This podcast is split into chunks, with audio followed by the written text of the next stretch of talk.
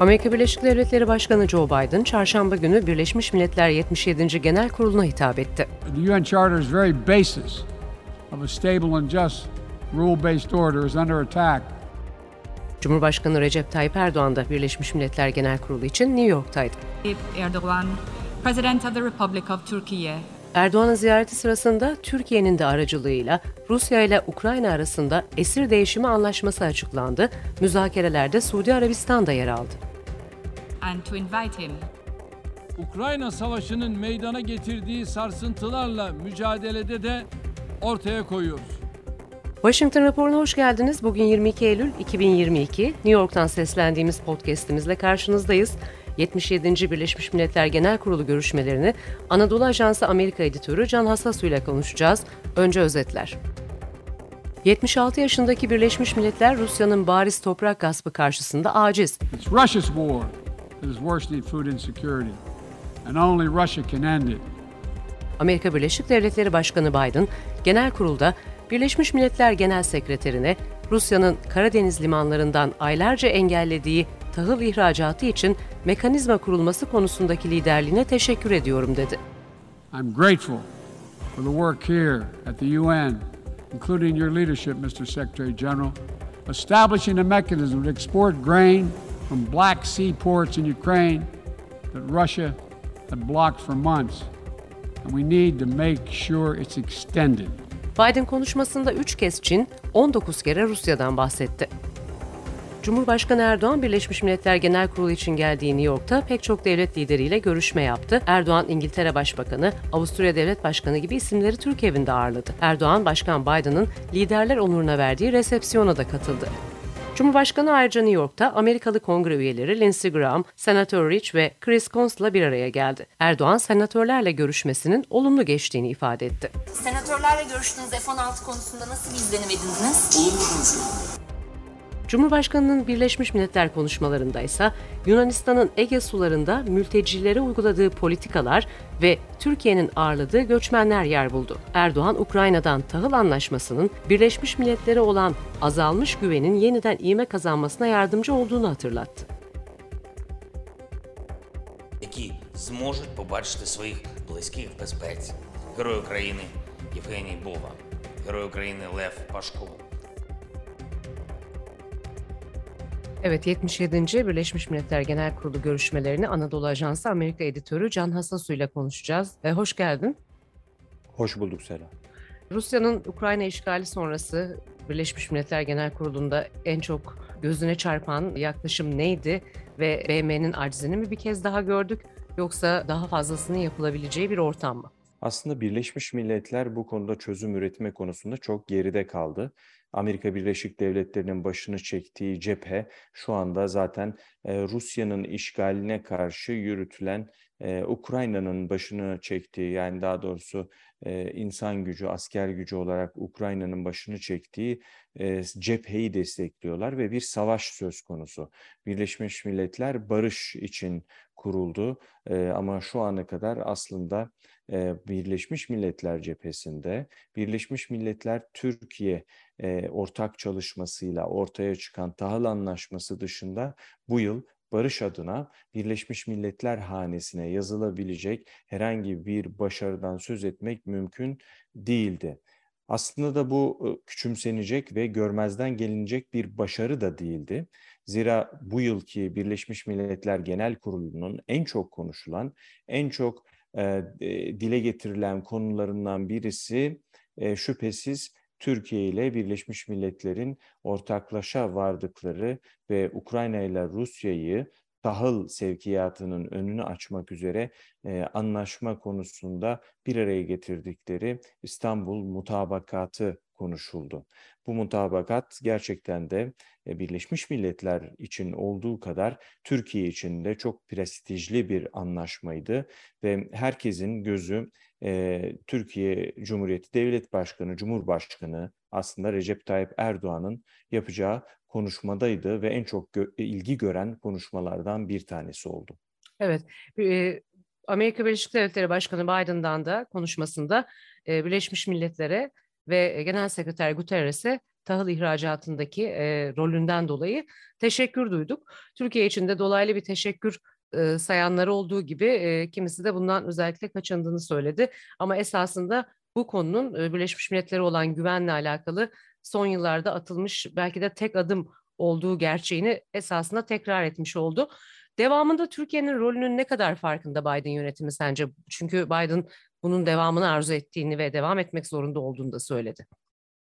Şimdi tabii bu anlaşmanın önemli olduğunu e, dünyada kimse inkar edemiyor. Aksine bunun ne kadar önemli olduğu ve aslında bu yol üzerinden e, Rusya ile Ukrayna arasında daha nasıl bir anlaşma sağlanabilir o konuşuluyor. Bunun bu tezin başında zaten Türkiye çekiyor. Türkiye özellikle Cumhurbaşkanı Erdoğan e, zirvede de bunu zikretti. Yani bu tahıl anlaşmasının daha sonra Ukrayna ile Rusya'yı masaya oturtacak ve bir ateşkese, barışa e, gidecek yolun e, ilk adımı olarak e, değerlendirmek istediklerini ve bunun gerçekten de nihai bir barışa e, ön ayak olmasını umduklarını e, dile getirdiler.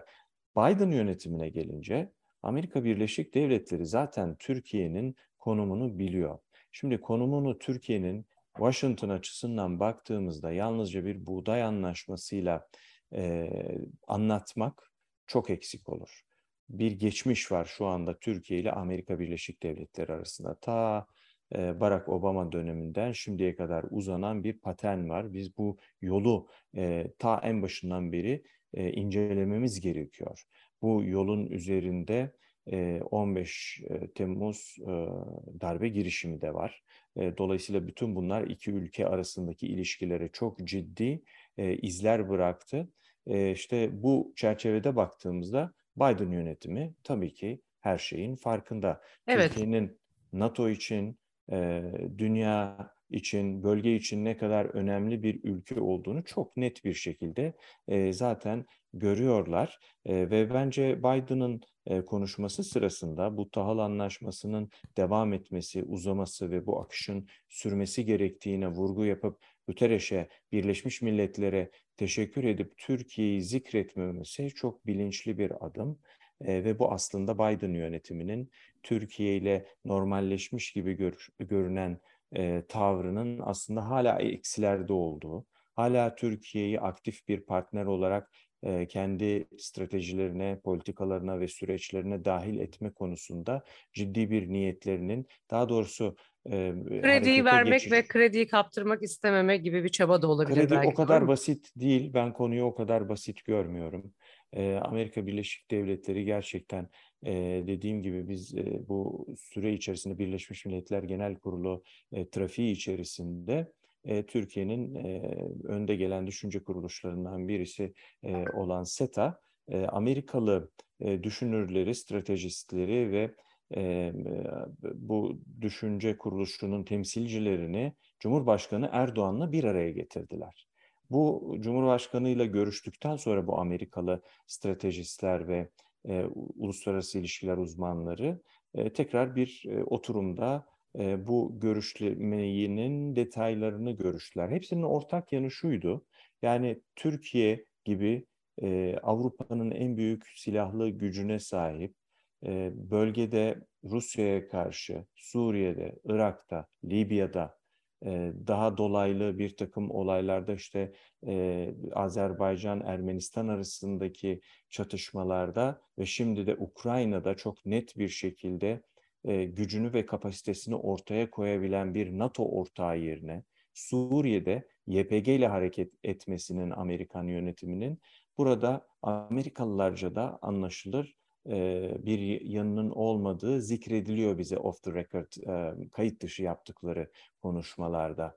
Peki burada önemli olan şey ne? Bir e, şu Hangi anda, think tank temsilcileri e, bunları yani bunlar ifade aslında kayıt dışı görüşmeler olduğu için bunları çok paylaşmam e, doğru olmaz ama e, şunu söyleyebilirim. Türkiye'de birçok gazetede, e, çok özür diliyorum Amerika Birleşik Devletleri'nde birçok e, gazetede, yayında, televizyonda e, bu konuyla ilgili görüşlerine başvurulan e, önemli kişilerdi bu isimler. E, ve bu isimler e, yani e, Türkiye ile Türkiye'de atıyorum E, bazı konulara karşıt olanlar var, bazılarını destekleyenler var. E, kimisi de e, işte demokratları destekliyor, kimisi e, e, cumhuriyetçileri, bazıları da kendilerini tarafsız olarak e, tarif ediyorlar. E, ortak nokta Türkiye'nin aslında gerçekten de e, Amerika ile ortak hareket etmesinin e, hem Amerika Birleşik Devletleri'nin çıkarlarının olduğu hem de aslında e, mantıklı bir yöntem olacağı yönünde. E, işte bunun neden olmadığını ele aldığımızda şimdi Barack Obama döneminde malumunuz Suriye krizi başladı. O dönem Türkiye Suriye'ye e, halkın e, demokrasiyle ilgili taleplerine e, sessiz kalmaması, tepkisiz kalmaması yönünde bir takım önerileri olmuştu. Suriye yönetimi ne yaptı? Silah kullandı kendi halkına karşı ve iş büyümeye başladı. Bu süreç içerisinde Amerika Birleşik Devletleri bu özgürlük taleplerini ve şiddete uğrayan e, barışçıl gösterileri e, destekleyeceğini söyledi ve hem e, o zaman Türkiye'yi hem de e, dünyadaki birçok ülkeyi bu anlamda e, yanılttı e, ve bu desteğini çok kısa bir süre sonra geri çekti. Ne oldu? Suriye'deki kriz sürüncemede kaldı. İnsanlar e, yıllardır ölüyorlar. E, herkes göçmen durumuna düştü. E, ama e, Rusya'nın bölgeye müdahale etmesiyle Suriye'deki e, kriz hala devam ediyor. Beşar Esed hala ayakta. Bugün İran'da gösteriler var. O gösterilerin de Suriye'dekinden daha kanlı bir çatışma olmayacağını öngörürsek bir yere varması mümkün değil. Çünkü güçle e, yönetime hakim olma yönünde çok ciddi bir pratiği var şu anda İran'ın ve Rusya'nın. Şimdi Amerika Birleşik Devletleri kendi açısından baktığında Rusya'nın zayıflaması ve bölgede bir rakibinin ekarte olmuş olması onun lehine olabilir. Avrupa'nın bu çatışma içerisinde yıpranması, bu kış soğuktan tir tir titremesi, doğal gaz fiyatlarının yükselmesi Amerika Birleşik Devletleri'ni doğrudan etkilemiyor. Amerika Birleşik Devletleri'nin e, besin zinciri oradan bağımsız, Avrupa'ya bağlı değil. Amerika Birleşik Devletleri'nin enerji kaynaklarında çeşitlilik var. Fiyatlar yükselse de herhangi bir kesintiye uğramıyor şu anda. Kendi stokları da var. Dolayısıyla okyanus ötesinden Avrupa'daki bu çatışmayı daha soğukkanlı, daha serinkanlı bir şekilde izleyebiliyor. Hatta bazı yorumculara göre e, Rusya'nın e, zayıflaması e, Suriye'de ve İran'da Amerika Birleşik Devletleri'ne daha çok alan açacağından şu anda aslında Savaşın devamı ilgili, yönünde. Savaşla yani hem savaşın devamı şöyle hani Rusya'nın da e, bu çatışmadan ciddi bir kayıp e, vererek çıkmasını, e, zayıflamasını e, tabii ki Amerika Birleşik Devletleri ister. Öte yandan Türkiye e, hazır bölgede e, bir takım güçler var ve bu güçlerle birlikte yaşıyor Türkiye. Yani arasında bir okyanus yok Rusya ile veya İran'la veya Orta Doğu'yla. Dolayısıyla da bu kendi doğal habitatı içerisinde e, bir takım dengesizliklere yol açacak birden ortadan kaybolmaların, yıkılmaların, çöküşlerin olması Türkiye'nin e, çıkarları için doğru değil. Avrupa'nın da değil. Yani Suriye'deki yıkım ve oradaki nüfusun batıya doğru göç etmesinin neleri doğurduğunu bu kaç yıl içerisinde gördük. Bugün bir İran'da böyle bir şey olursa, Rusya'da böyle bir çöküş yaşanırsa bunun Avrupa'ya, eski kıtaya ve Türkiye'ye ve de bölgeye nasıl etki edeceğini öngörmek gerçekten de e, çok zor. Tam bu e, noktada e, daha fazla silah talebine e, geçmek isterim aslında. Zelenski'nin de tekrar dile getirdiği, Dışişleri Bakanlarının bugün Güvenlik Konseyi'nde yaptığı toplantılarda da dikkat tekrar dikkat çekildi. Amerika'dan da daha fazla talep isteniyor. bir taraftan Biden'ın işte bütçenin uzaması ile ilgili yeni önümüzdeki haftalarda yeniden bir gündemi olacak. Daha fazla yardım gelebilecek mi? Amerika Birleşik Devletleri zaten Joe Biden da şeyde Birleşmiş Milletler'deki konuşmasında zikretti. Yani gerek insani gerek askeri anlamda maddi yardımlar devam edecek. Amerika Birleşik Devletleri silah yardımında da yapmaya devam edecek. savaşa katılmayacakları yönünde Amerikan kamuoyunu rahatlatmaya yani askeri olarak sahada oraya ayak basan asker anlamında bir daha Irak gibi, Afganistan gibi bir operasyon düşünmediklerini ancak oradaki güçleri maddi ve manevi olarak desteklerini sonuna kadar sürdüreceklerini defaatle ifade ettiler. E, ama yani bu, bunun e, karşılığında şimdi şunu söylemek istiyorum. E, Cumhurbaşkanı Erdoğan'ın bu zirve sırasında barışla ilgili yaptığı çağrıların temelinde de aslında aynı konu e, yatıyor. Cumhurbaşkanı Erdoğan özellikle hatırlarsan e, konuşmasında dedi ki işte bu buğday anlaşması İstanbul'daki e, varılan anlaşma e, bu barışa giden yolda umarız bir ilk adım e, görevi görür dedi. Hemen bu konuşmayı yaptığının akşamı da e, Rusya ile bu sefer e, esir değişimi konusunda anlaşmaya varıldığını duyurdu. Bu da Türkiye'nin hanesine yazılan ikinci büyük diplomasi e, zaferi ve başarısı e, olarak zikredildi burada. E, ancak Amerikan yönetiminden bu konuyla ilgili e, açıklama hani anlaşmayı e, sevinçle karşılıyoruz dendi ama gene Türkiye'nin ismi dışişleri nezdinde e, zikredilmedi, açıklamalarda geçmedi. Onun yerine ilerleyen saatlerde Twitter üzerinden e, Beyaz Saray'ın Ulusal Güvenlik Danışmanı Jack Sullivan e, Türkiye'nin e, bu anlaşmanın gerçekleşmesinde oynadığı rolden dolayı teşekkür etti. Bu çok e, dolaylı bir teşekkürdü. Gene aynı dediğim gibi çizginin, siyasetin ve politikanın e, devamını gösteriyordu. Ama Erdoğan özellikle çok önemli bir vurgu yaptı e, barışla ilgili çağrısında. Yani dedi ki e, buradaki PBS televizyonunda evet, da yaptığı röportajda ilgili. da e, bundan bahsetti. Sadece mahkum takası değil, e, Putin'in köşeye sıkıştırılmaması, yalnızlaştırılmaması gerektiğini söyledi Cumhurbaşkanı Erdoğan. Yani bunda neyi kastettiğiyle ilgili sorular soruldu. E, kendisinin aslında bu noktadaki e, asıl amacı şu. Yani her iki tarafında onurlu bir şekilde çok kayıp var, çok insan hayatını kaybetti. Ukrayna işgal edildi, bu kabul edilemez. Rusya buradan çekilsin noktasında Türkiye'nin, e, Erdoğan'ın herhangi bir e, e, ihtilaf halinde olduğu bir nokta yok. Ama Erdoğan'ın özellikle altını çizmek istediği konu şu, yani burada Putin'i yalnızlaştırıp, bir nevi onu köşeye sıkıştırıp, olmadık daha ağır koşullar daha doğrusu sonuçlar doğuracak bir takım noktalara sürükleyecek onu bir yol izlenmemeli kanısında ve aslında uluslararası kamuoyunun bir an önce mantıklı bir şekilde bu savaş daha da geri dönülmez bir noktaya gelmeden iki tarafı kabul edilir, her iki taraf içinde kabul edilebilir bir barış anlaşmasına götürme konusunda el işbirliği yapmaya e, davet evet. etti. Ama evet. e, bu bu e, hani nasıl diyelim e, herkesin kabul edebileceği e, ve durumu e, soğutmaya, bir barışa doğru gitmeye ve diplomatik bir çözüm bulmaya yönelik e, strateji şu anda benim gördüğüm kadarıyla Amerika Birleşik Devletleri'nin e, çıkarları açısından çok tercih ettiği bir yöntem değil. Rusya'nın biraz Amerikan... daha yıpranmasını istiyor.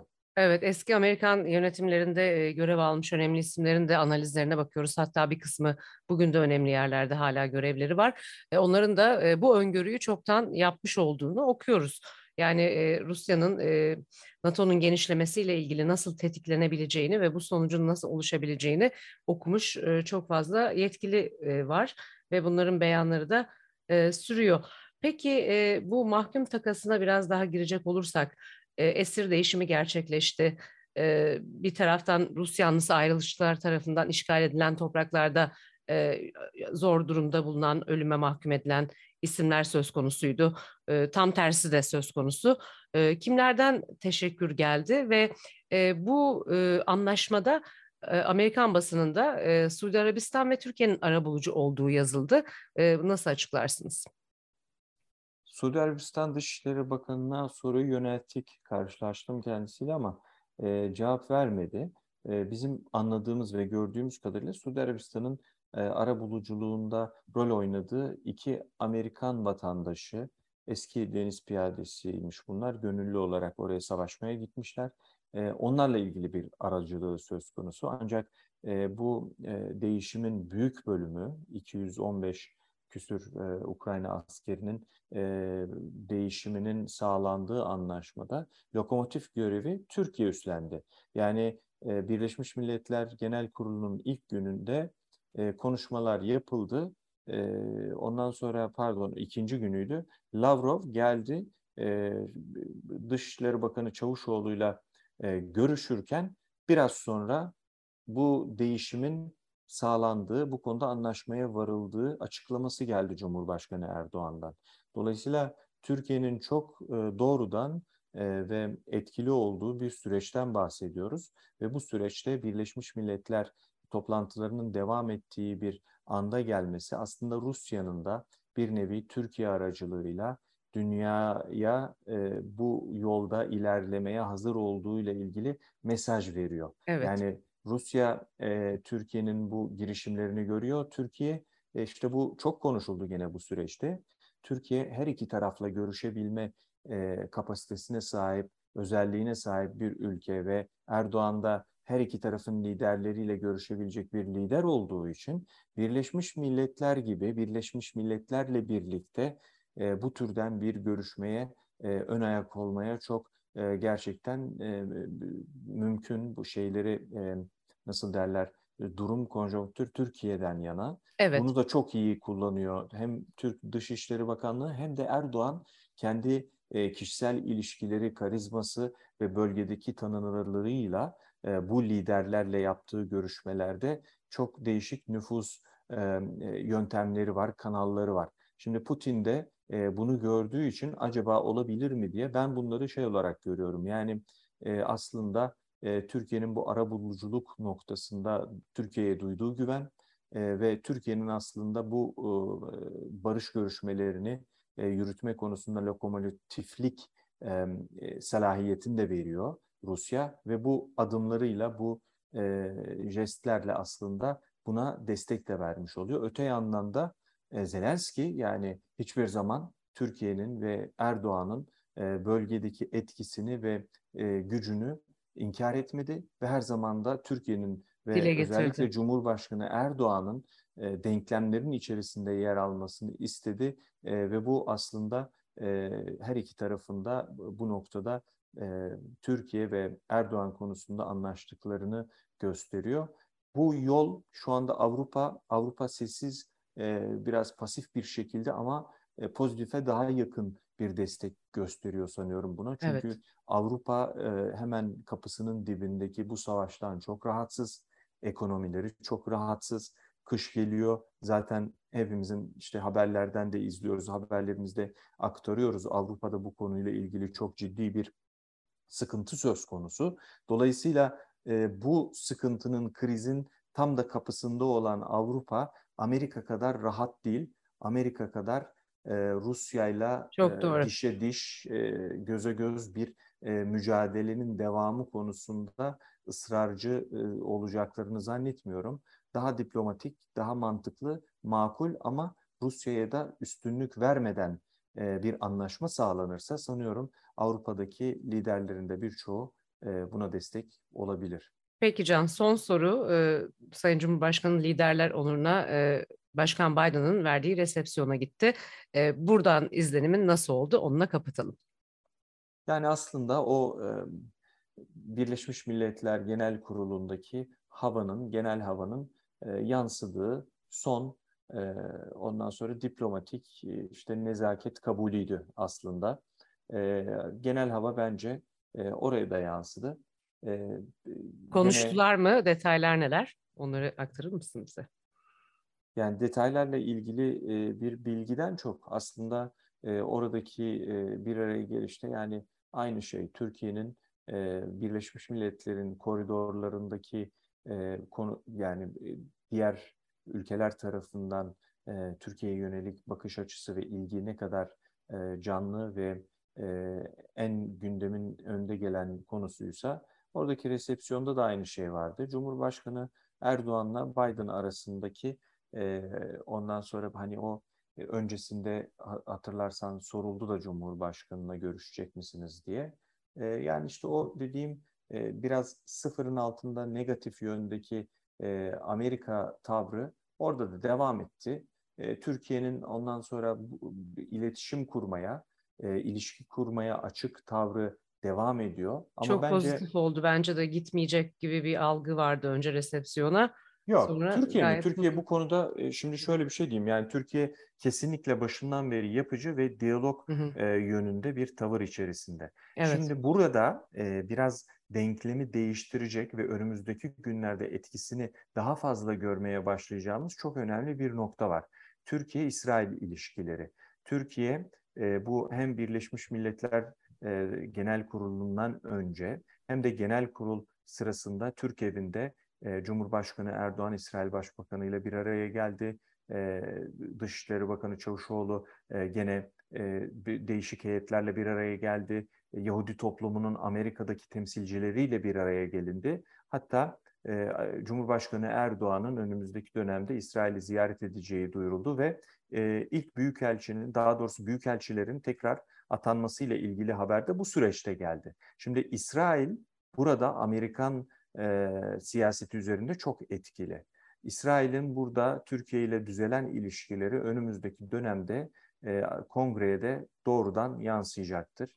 Bugüne kadar Ermeni lobisi, e, Yunan lobisi ve Türkiye ile arası kötü olan e, Yahudi lobisi hep Türkiye'nin aleyhinde çalışıyordu. Şimdi çok önemli, çok güçlü e, bir lobi, bir siyasi damar Amerika'da e, bunu Türkiye lehinde faaliyetler olarak değiştirmeye e, doğru gidiyor. Aslında e, geçen sene de BM zamanında bu çabalar e, başlanmıştı. Özellikle Yahudilerin de etkili olduğu eyaletlerdeki bu e, tahvil alımları ile ilgili, Türkiye'ye tahvillerine yatırım yapılması ile ilgili bir takım adımlar atılmıştı. E, o da oldukça önemli. Şimdi işte bu aslında somut meyve vermeye başladı. Bu karşılık buldu.